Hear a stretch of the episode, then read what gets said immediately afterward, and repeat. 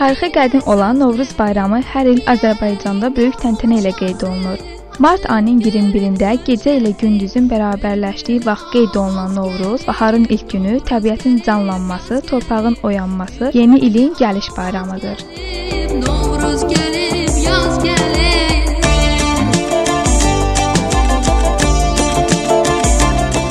Novruz bayramı sağlamlığın, firavanlığın başlanğıcıdır. Bu bayramda kin-küdurət unudulmalı, heç kim küsülü qalmamalıdır. Çünki Novruz bolluq, xeyirxahlıq, ruh yüksəkliyi, torpaq və insana məhəbbət bayramıdır.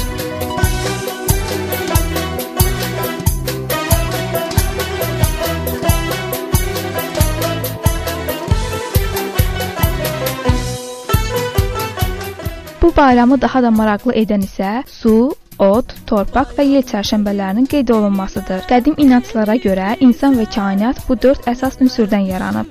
Məhz buna görə də çərşənbələr belə adlandırılıb. İlk çərşənbə su çərşənbəsində su mənbələri təmizlənir, çayların buzu əriyir, torpaq islanır. Bu çərşənbədə su ilə bağlı fallar gecəni daha da maraqlı edir. Həmin fal və inanclar haqqında isə Gəncə sakini Rəsmiyə xanımın dilindən eşidək bayramlarda səhər o başdan dururduq 6-da. Kəndimizə gedirdik, orada gedirdik axar suya. Baxırdıq belə hamısı gənclər idi, çulkaları qırırdı, deyirdik atıl batıl çərşənbə, baxdım atıl çərşənbə. İkinci çərşənbənin ot çərşənbəsi adlandırılması günəşin hərarətinin artıb, torpağı qızdırıb isitməsi ilə əlaqələndirilir. Həmin gün evlərdə xonçalar qurulur, ailə üzvlərinin sayı qədər şam yandırılır, həyətlərdə tonqal qalanır. Hər kəs tonqalın üstündən hoppanaraq köhnə ilin ağırlığını odda yandırır.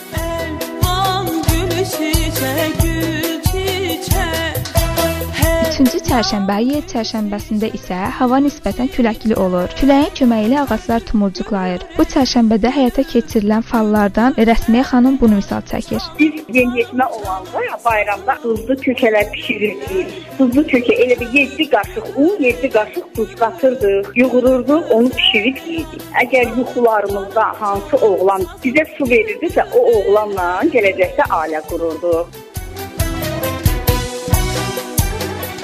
Axır çərşənbə, torpaq çərşənbəsində isə torpaq oyanır. Artıq torpaq əkinə hazır olur. Azərbaycanın bir sıra rayonlarında Novruz bayramı bu çərşənbədə qeyd edilir. Adətə görə son çərşənbədə süfrə dolu olmalı, nişanlı qızlara bayram payı aparılmalıdır. Süfrəyə qoyulan xonçaya şəkərbura, paxlava ilə yanaşı noğul, nabat, pistə, badam, kişmiş, qoz, fındıq və bir çox çərəzlər düzülməlidir. Axır çərşənbədə 7 sin süfrəsi də açılır. Adətə görə süfrəyə 7 s hərfi ilə başlayan ərzaq və nəsnələr qoyulmalıdır. Bunlardan sirkə dad və zövqə, sarımsaq sağlamlığa, səbzə ümidə, sumaq bərəkətə, sikkə varlığa, saat uzun ömürlüyə, su isə aydınlığa işarədir. Bu çərşənbədə həmçinin qonaq gedib pay aparmaq, valideynlərin və yaxınlarının qəbrini ziyarət etmək lazımdır. Həmin gün çillə çıxarmaq mərasimi də həyata keçirilir. Belə ki, ilaxır çərşənbə gecəsi səhərə qədər təzə günü görmək məqsədi ilə oyaq qalırlar. Qızlar fala baxmaqla, oğlanlar isə müəyyən oyunlar oynamaqla gecəni keçirirlər.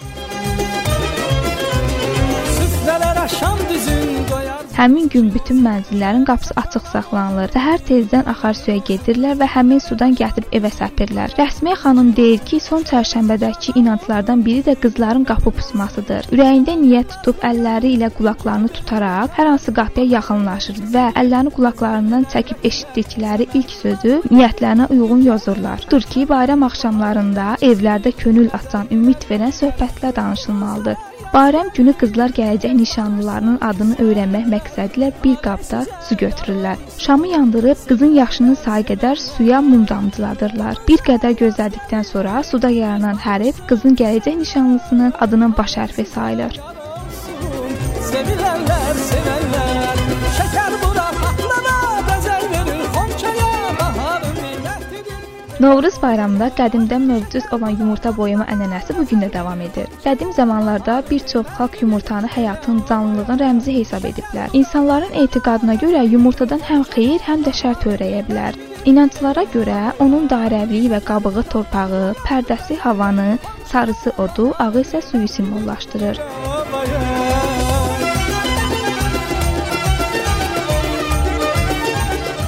Yumurta boyamaq da çox qədim adətdir. Belə ki, qırmızı rəngə boyanmış yumurta yayı, yaşıl rəng yazı, sarı payızı, rəngsiz olan yumurta isə qışı göstərir. Yumurta ilə bağlı inanclardan biri də onun xontada uzun müddət saxlanılmasıdır. Belə bir həqiqət var ki, yumurta uzun müddət saxlanarsa, su və karbondioksid itkisi səbəbilə çəkisi azalar. Ancaq ulu nənə-babalarımız bunu həyat təcrübələrindən bilirdilər.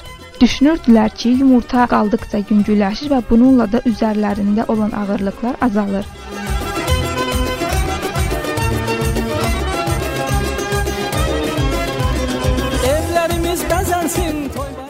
Yumurta döyüşdürmək də bu bayramın ən məşhur adətlərindən biridir. Adətə görə boyanmış yumurtaları 7 oğlan döyüşdürməlidir. Kim qalib gəlsə, həmin ili oğlan ailə qurur.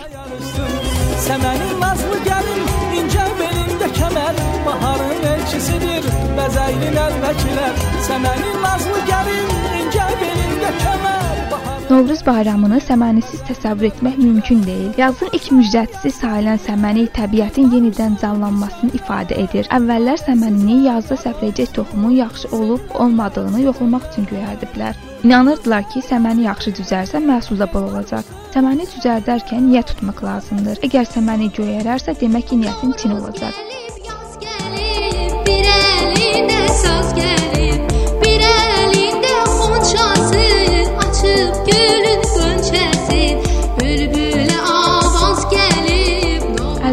Novruzda qonaq gələn keçəl ilə kosanı da unutmaq olmaz. Azərbaycanda lap qədimlərdən Novruz şənliklərində sayaçı, yuğlama, yelbaba, cütdü şumu, kəfkəs, koskosa, qaravəli və sair kimi milli xalq oyunları keçirilib. Bu oyunların içərisində ən geniş yayılmışı koskosadır. Oyuna görə cavanlar bir yerə toplaşıb, zirək hazır cavab bir oğlana dəri kökü geyindirməli. Başına uzun, motal papaq taxıb, mahnı oxuya-oxuya gəzdirməlidirlər. O torbanı Novruz bayramı bu gün təkcə Azərbaycanda deyil, İranda, Əfqanistanda, Tacikistanda, Özbəkistanda, Türkmənistanda, Pakistanda, Qazaxıstanda və Qırğızstanda da xüsusi təntənə ilə qeyd edilir. Günel Rəhimli, GSRF